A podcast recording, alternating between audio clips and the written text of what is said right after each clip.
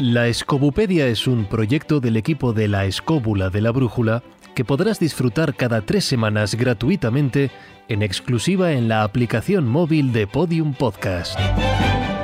Escobupedia. Cosas que seguro que no sabe tu cuñado.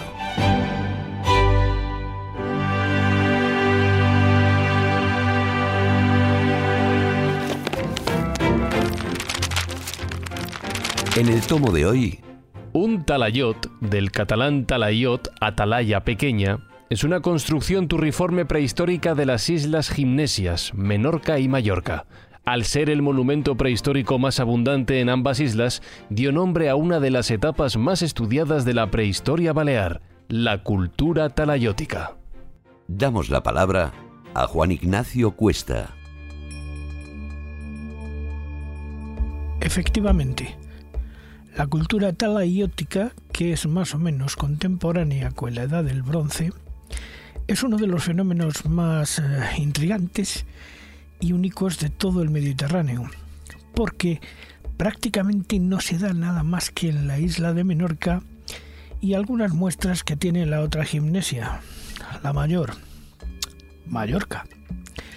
O sea, que podemos prácticamente decir eh, que toda la cultura talayótica es más abundante en la gimnesia menor, o sea, Menorca. Bien, en la cultura talayótica vamos a encontrar varios tipos de construcciones. Unas en concreto son los propios talayots, que son construcciones que tienen forma de herradura con una especie de santuario en su interior. Otras que son las llamadas navetas, que son monumentos o túmulos funerarios de algún tipo. Y vamos a encontrar el fenómeno más genuino que existe dentro de esta cultura megalítica, que son las taulas. Estructuras que están compuestas por una piedra hincada en el suelo en vertical y otra que está situada de una extraña manera. Han sido colocadas encima de forma horizontal y se consideraba en principio que eran las mesas sobre las que se sentaban los gigantes que habían edificado esta cultura megalítica.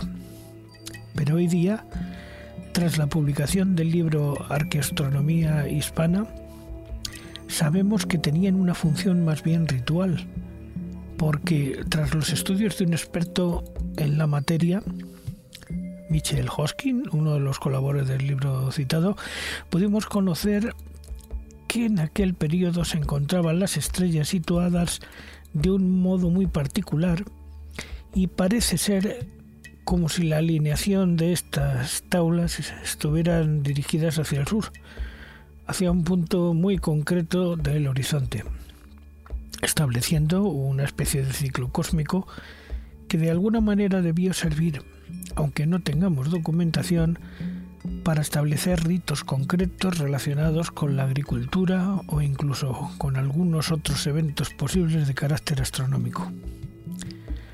Luego podremos empezar a citar lugares que hay que visitar para conocer bien esta cultura megalítica tan particular. Es fundamental ver, por ejemplo, la necrópolis eh, de Calescobes o la, la naveta de Studons. Hay otros lugares como por ejemplo Torralba de Ensalort, quizá el monumento más importante de toda la cultura talayótica menorquina, junto al cual hay un lugar lleno de leyendas como es el poco conocido pozo llamado Pou de Napatarra, al que también llaman la entrada al infierno. Tiene unos 65 metros de profundidad y no se puede acceder sin dificultades debido a que fue tapiado en el pasado, pero sí a través de una escalera practicada en una galería próxima. Tiene estalactitas, estalagmitas y otras concreciones, lo que certifica su antigüedad. En el fondo hay una especie de pileta que recoge las aguas chorreantes que las gentes creen mágicas. Algunos dicen que hacen inmortales a quienes las beben, pero a cambio de soñar con monstruos de todo tipo. El 24 de junio, los rayos del sol iluminan el fondo y permiten ver allí un espectáculo insólito de luz y oscuridad que hace sospechar de que la orientación de la cima no responde a ninguna casualidad, sino que se hizo a propósito. Además hay que entender que en Menorca no solamente vamos a apreciar solo su cultura megalítica, sino la construida después, como bien sabe Carlos, cuando años después los ingleses que poseyeron la isla un tiempo tras el Tratado de Utrecht llenaron de cuevas eh, gran parte de la isla que utilizaron como polvorines. Todas ellas parten del fuerte Marburg. Pero lo más importante es sin duda todo el conjunto megalítico de la isla. Allí vamos a encontrar todo tipo de manifestaciones, desde pozos rituales cercados toscamente túmulos de todo tipo que se corresponden con esa especie de cosmogonía que ya hemos citado. Todas estas cosas eran poco conocidas o lo fueron posteriormente tras realizar las correspondientes investigaciones. Además, existe una cierta semejanza con otros monumentos que hay a lo largo del Mediterráneo. Así, lo más parecido que vamos a encontrar a cuanto hemos citado está en la isla de Malta y algún otro indicio en Córcega. ¿Quién hizo todas estas construcciones? ¿Quiénes fueron? Toda esta cultura mediterránea que prácticamente no ha dejado ninguna otra muestra es uno de los grandes misterios que tendríamos que resolver en algún momento porque no existen restos que nos permitan conocer con claridad a sus autores. Hay que ir a Menorca para poder conocer todo ello a través de sus numerosos monumentos. Una cultura absolutamente asociada a la piedra, que prácticamente no nos ha dejado otra cosa, excepto pequeños restos de carbón vegetal o cosas parecidas, restos que lógicamente se han ido perdiendo con el tiempo. Incluso lo más extraño es que se comenta de que las piedras verticales de las taulas pueden producir ciertos estados de alteración de conciencia en quien se les arrima. Quien apoya en ellas la espalda experimenta como si fuera una especie de conexión con una suerte de radiación telúrica mediante la que la Tierra puede comunicarse energéticamente con las personas que allí se sitúan en un momento dado. Este efecto fue detectado por grupos de la llamada cultura hippie, muy concienciados con estos temas entre los años 75 y 85. En fin, poco más se puede decir de todo esto. Creo que puede dar lugar a una discusión muy extensa sobre cuanto se ha dicho. Quienes han estado recientemente en las taulas afirman que esto es cierto e incluso luego tienen una serie de estados de alteración emocional y sueños especialmente placenteros. Creo que eso era algo buscado, buscado con intencionalidad, digamos, hecho ad hoc. O sea, es profeso precisamente para organizar rituales en torno a estos monumentos y eso me llamó muchísimo la atención, porque no hay muchos sitios donde lo que llamamos un lugar de poder se manifiesta de una manera tan clara. Y en este, eso se da con cierta frecuencia. Por lo menos yo tengo bastantes testimonios. También hay que tener en cuenta la factura de estos enclaves, que es casi en su totalidad de piedra trabajada de un modo muy tosco, lo que indica su gran antigüedad, la de un tiempo en que seguramente todo esto no se hizo con herramientas propias de la edad del bronce, sino de épocas muy anteriores cuando éstas eran simplemente de piedra.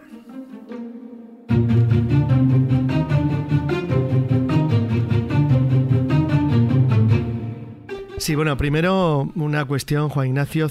Es cierto lo que dices, es una cultura increíblemente original propia de las Islas Baleares, lo cual es realmente llamativo. Has citado muy bien el caso de Malta, que Jesús la conoce mejor que yo, con lo cual lo citará probablemente después, pero hay un lugar que también quiero citar porque en realidad, si haces, por ejemplo, pruebas de ADN, es la única población, población primordial que queda del Mediterráneo antiguo en Europa, que es la isla de Cerdeña.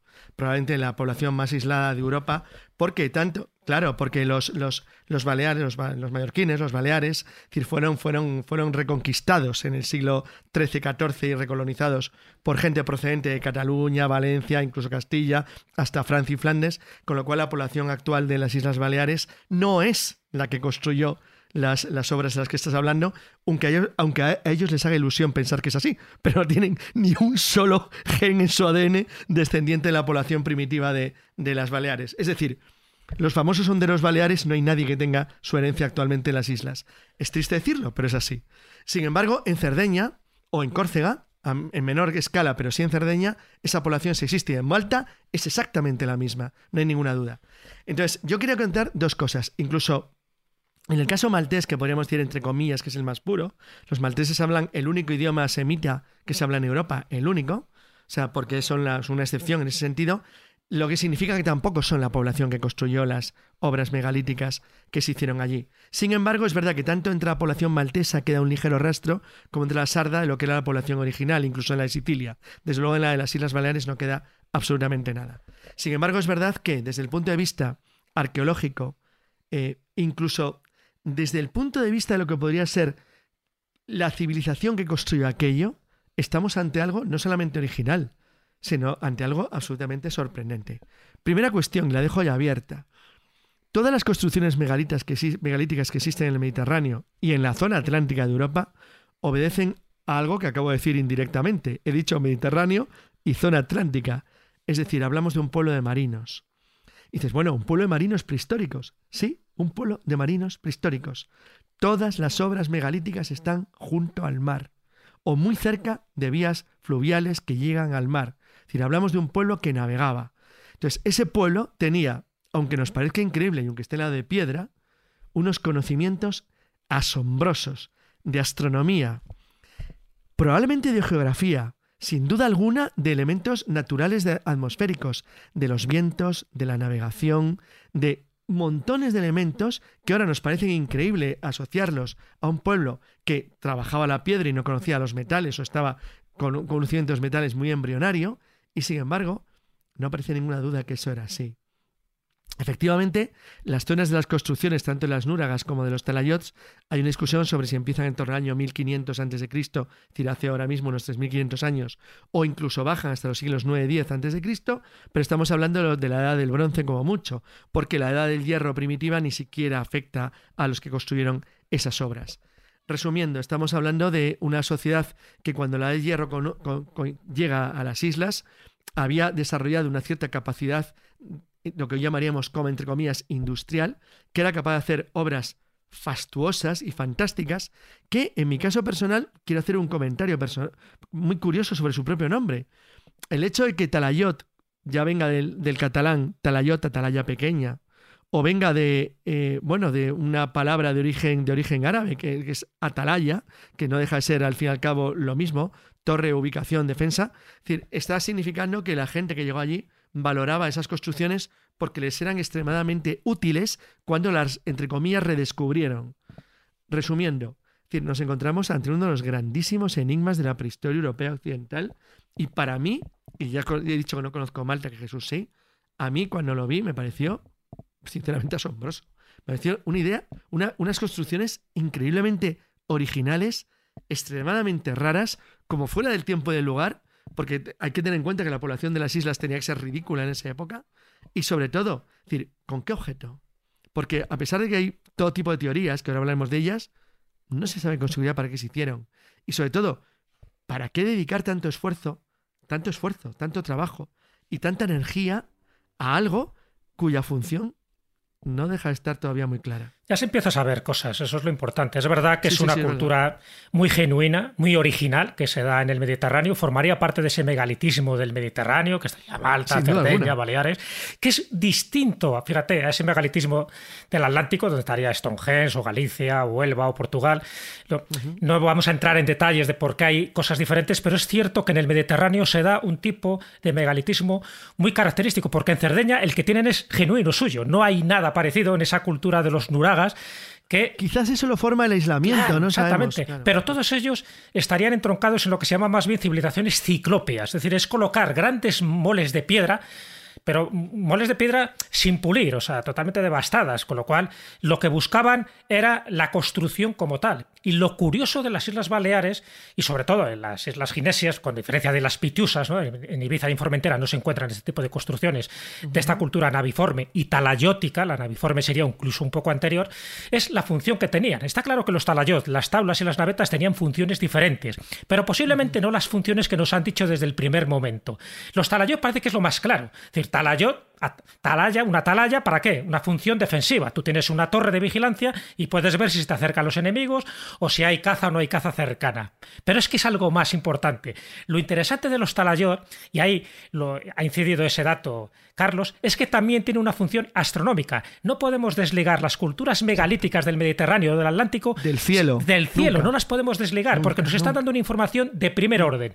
Ya sabes que Juan Antonio Belmonte, nuestro físico ¿no? del Instituto de Astrofísica de Canarias, él es que ha investigado muchísimas de estas construcciones o monumentos megalíticos y también ha entrado en el mundo de esta cultura talayótica.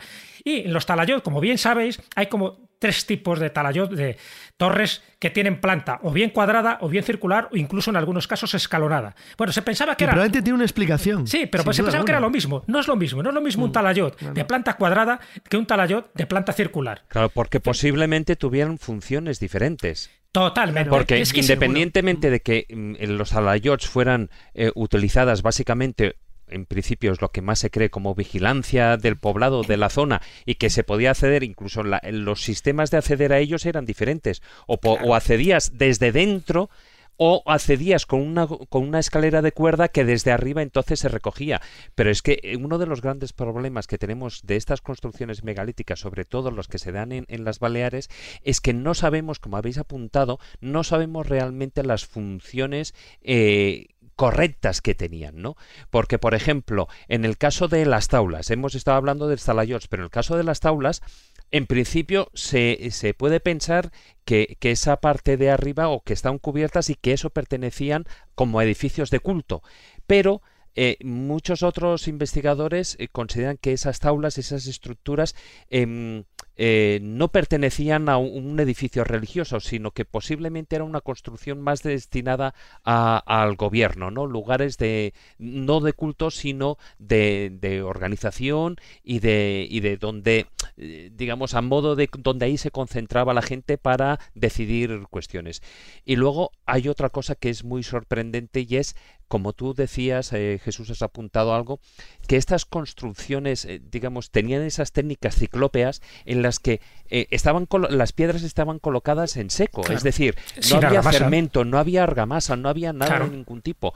Y aún así, por ejemplo, lo que pasa también en las navetas, que son esas navetas funerarias, o sea, parece increíble como en un principio esa función principal que puede ser de sepulcro eh, o cuanto menos sepulcro colectivo, sí o que vivienda, cuidado. Eh, ahí estamos, que todavía ¿eh? no sabemos exactamente si era solo eso o incluso por qué no podía tener ambas funciones a la vez. A ver, muchas veces esto es importante un poco destacarlo. Muchas veces queremos analizar una construcción megalítica que ha tenido un proceso de varios siglos como si fuera una identidad.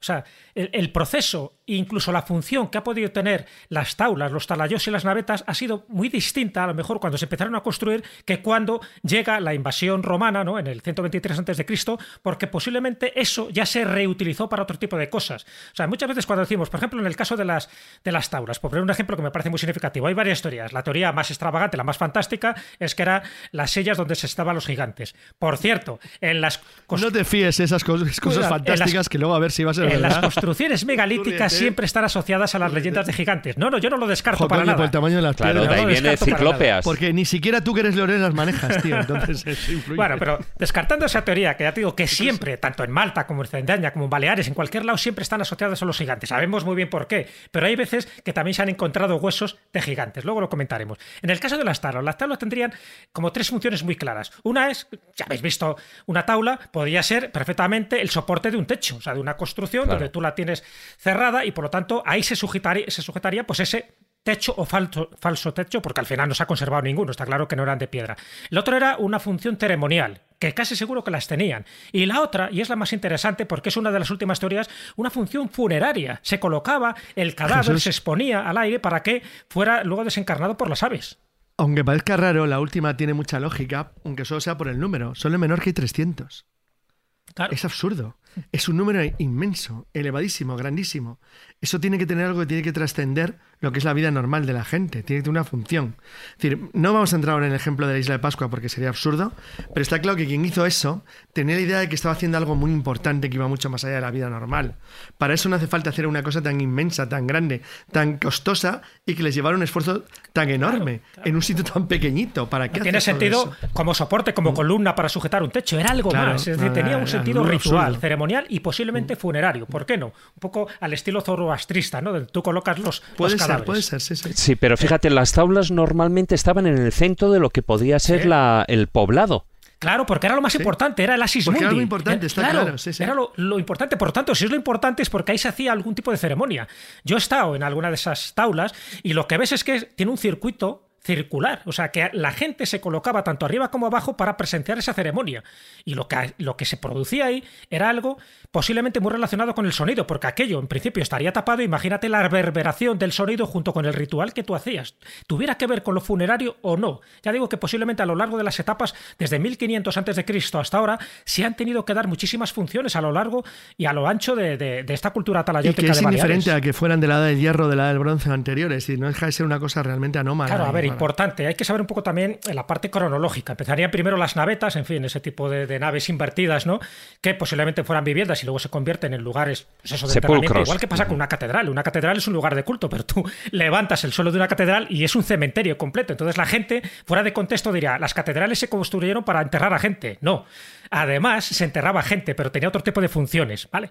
Entonces es importante tener en cuenta que hablamos de poblados, de poblados y yacimientos eh, megalíticos, donde había taulas, donde había navetas y donde había talayot, y cada uno cumplía una función. Yo he visto talayot, yo por ejemplo estaba en el yacimiento de Son Fornés, ¿no? Estuve con Nacho Ares, con Chema Fon, que nos lo enseñó en Mallorca, increíble ese lugar, porque ahí había dos talayot. Si, si fuera una cuestión defensiva de atalaya, ¿por qué construyes dos? Construyes uno, no tienes necesidad de hacer dos. Sin embargo, había dos, cada uno en un sitio estratégico, además con siete habitaciones, con su muralla, porque no, no lo olvidemos, casi todos este tipo de poblados tenían lienzos de murallas y había construcciones que estaban dentro y otras fuera. Está claro que las tablas estaban dentro del poblado por lo que decimos, porque era la Sismundi, porque para mí era la construcción más importante, más sagrada, más emblemática y más mística.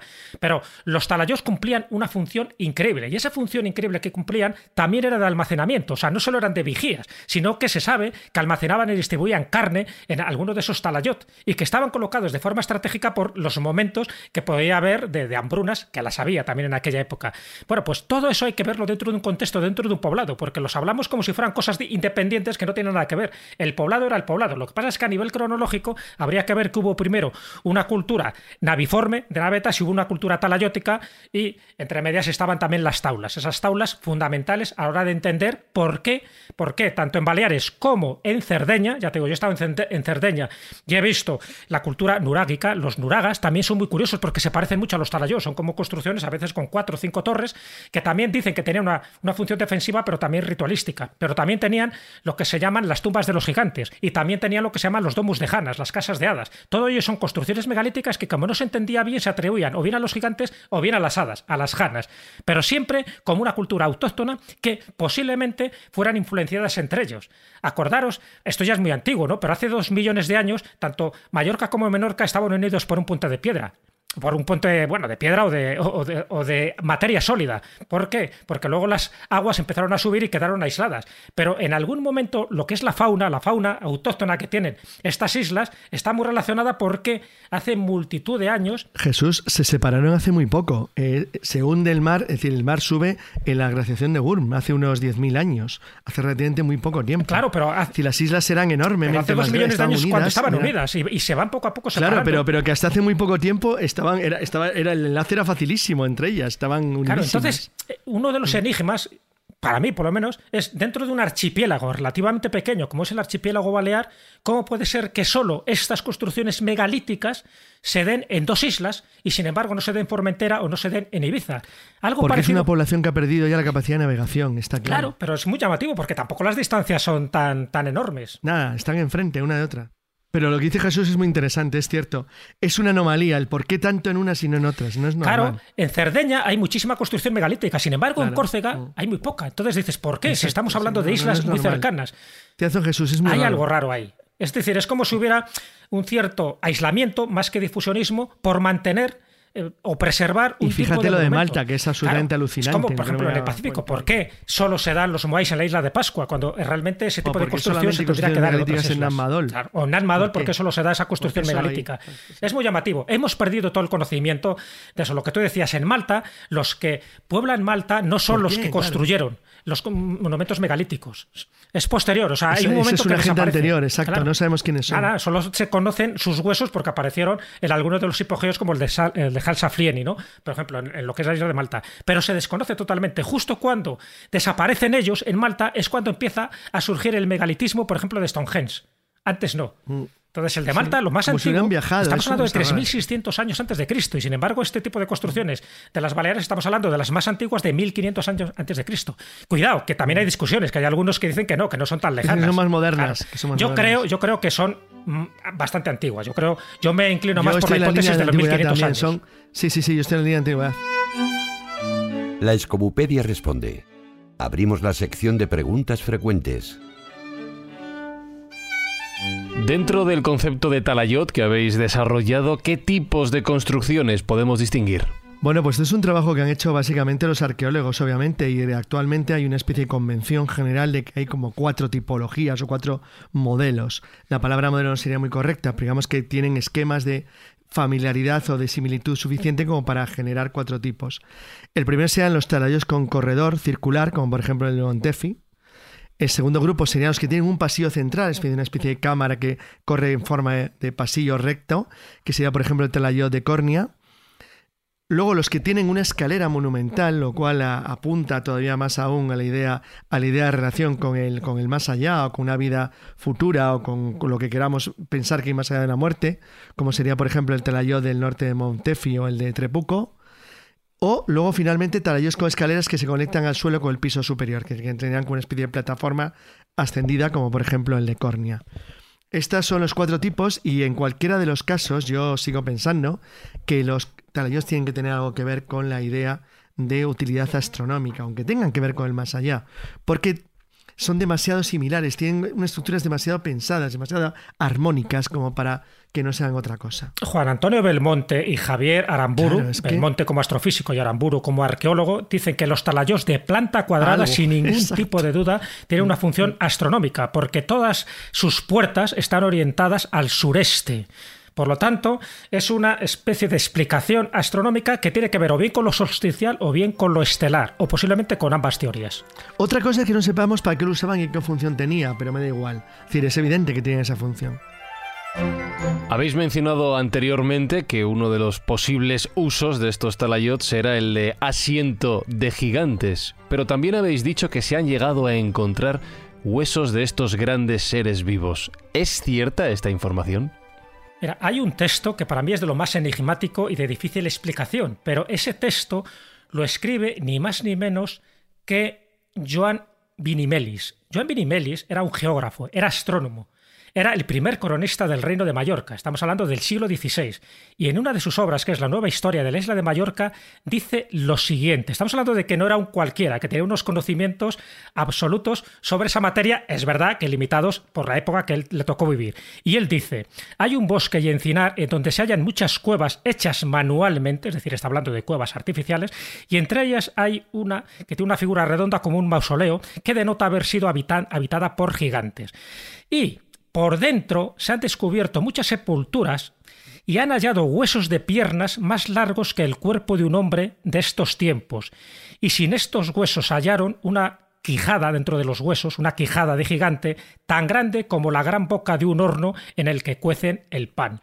Esos huesos, por desgracia, han desaparecido. No estamos hablando de huesos que están fuera de esas cuevas, sino huesos de personas que supuestamente habitaban esas cuevas artificiales. Que te diga que uno de los huesos de la pierna era más grande que uno de los hombres que vivían en el siglo XVI es muy llamativo. Es verdad que puede hab- hablar a lo mejor de, de restos paleontológicos, de huesos de animales prehistóricos mal identificados, pero por la zona donde están, Quiere decir, o bien se los comían, o bien sencillamente eran de los habitantes. Bueno, pues esta prueba, para mí, antropológica, paleontológica, de que posiblemente habitaron gigantes en las Islas Baleares y que además te lo dice alguien tan reputado como este sacerdote historiador, Joan, Joan Vinimelis, pues hombre, es muy llamativo.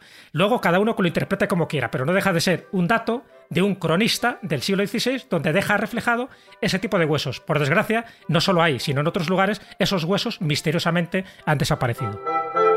En el próximo tomo aprenderemos el significado de la palabra dendrolatría. Gracias por consultar la Escobupedia. En tres semanas pondremos un nuevo tomo a su disposición.